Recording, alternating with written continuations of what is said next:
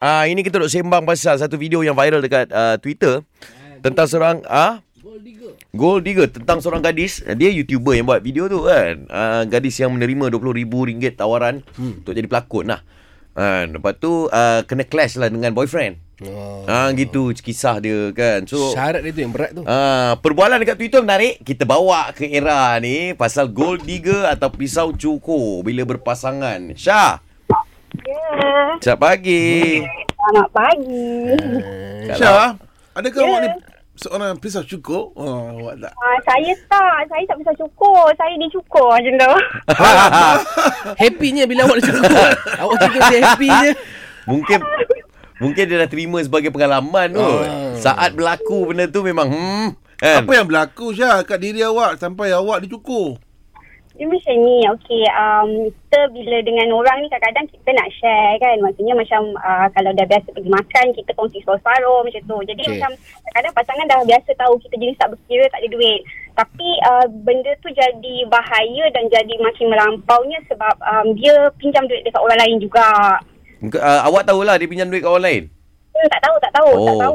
Dan duit dekat orang lain. Tapi Okay. sampai orang sebab kita ni hari-hari pergi makan sama, pergi dinner sama apa semua kan. Uh-uh. So orang akan nampak kita ni selalu sekali. Jadi orang yang dihutang tu cari kita.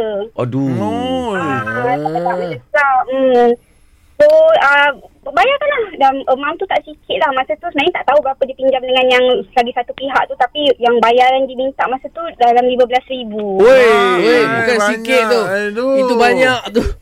Ah, itulah tu ah, sebab yang dalam dalam yang kat Twitter tu dekat RM20,000 kan tapi sebab nak kena berlakon tu yang ni kisah betul sebab kita kena bayar dah RM15,000 lah masa tu.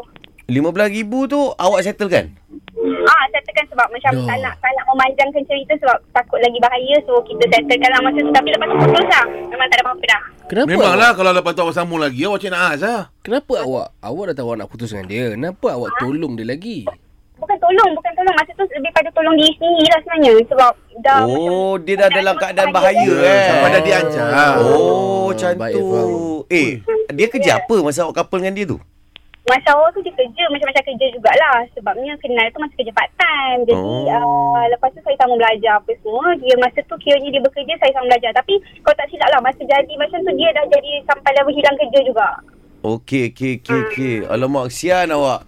Nak Tapi betul lah dia buat. Dia settle Ah, kan? Tapi betul lah. Tapi bukan sebab, sebab tapi bukan sebab lelaki tu pun. Bukan. Dia buat sebab untuk diri dia. Diri dia. Keselamatan dia. Awak kena ingat tu benda je. Eh? Apa tu? Makan sekali tak tentu boleh um, apa ni sebenarnya tak konform. Hah? Kan? Hmm, apa macam mana tu Ma- makan Kan bersama. Saya pun confused kan ni. Kejap, kejap, kejap, kejap. Tak, makan bersama tu makan sekali kan. Okey. Makan sekali bersama tu belum tentu lagi confirm yang itu milik awak.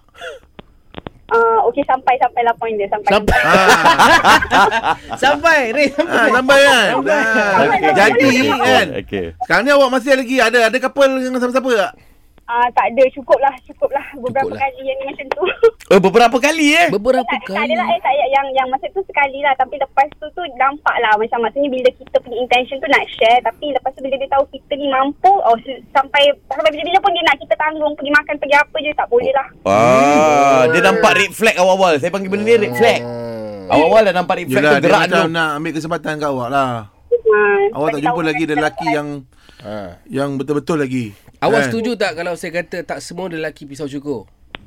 uh, dan tak semua perempuan pisau cukur jugalah so benda tu Eh. bukan gender uh, Dan, benda tu perangai lah, perangai. Ha, dia based on perangai lah. Eh, sebenarnya. eh, eh. Okey. Relax. Ah, ah, sa- Syah.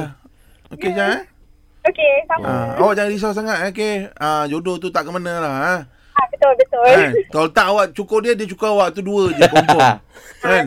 kita cuma tak sama-sama mencukur orang lain nak cukur sendiri je Sama-sama bercukur. Ah. Ah, bau Sama-sama sweet. Cukur. Bau sweet. Ah, Ha. sweet kan? Aku cukur kau sikit, kau cukur kau sikit. Ha, macam tu. Kita dah habis cukur licin, kita cukur orang lain nak.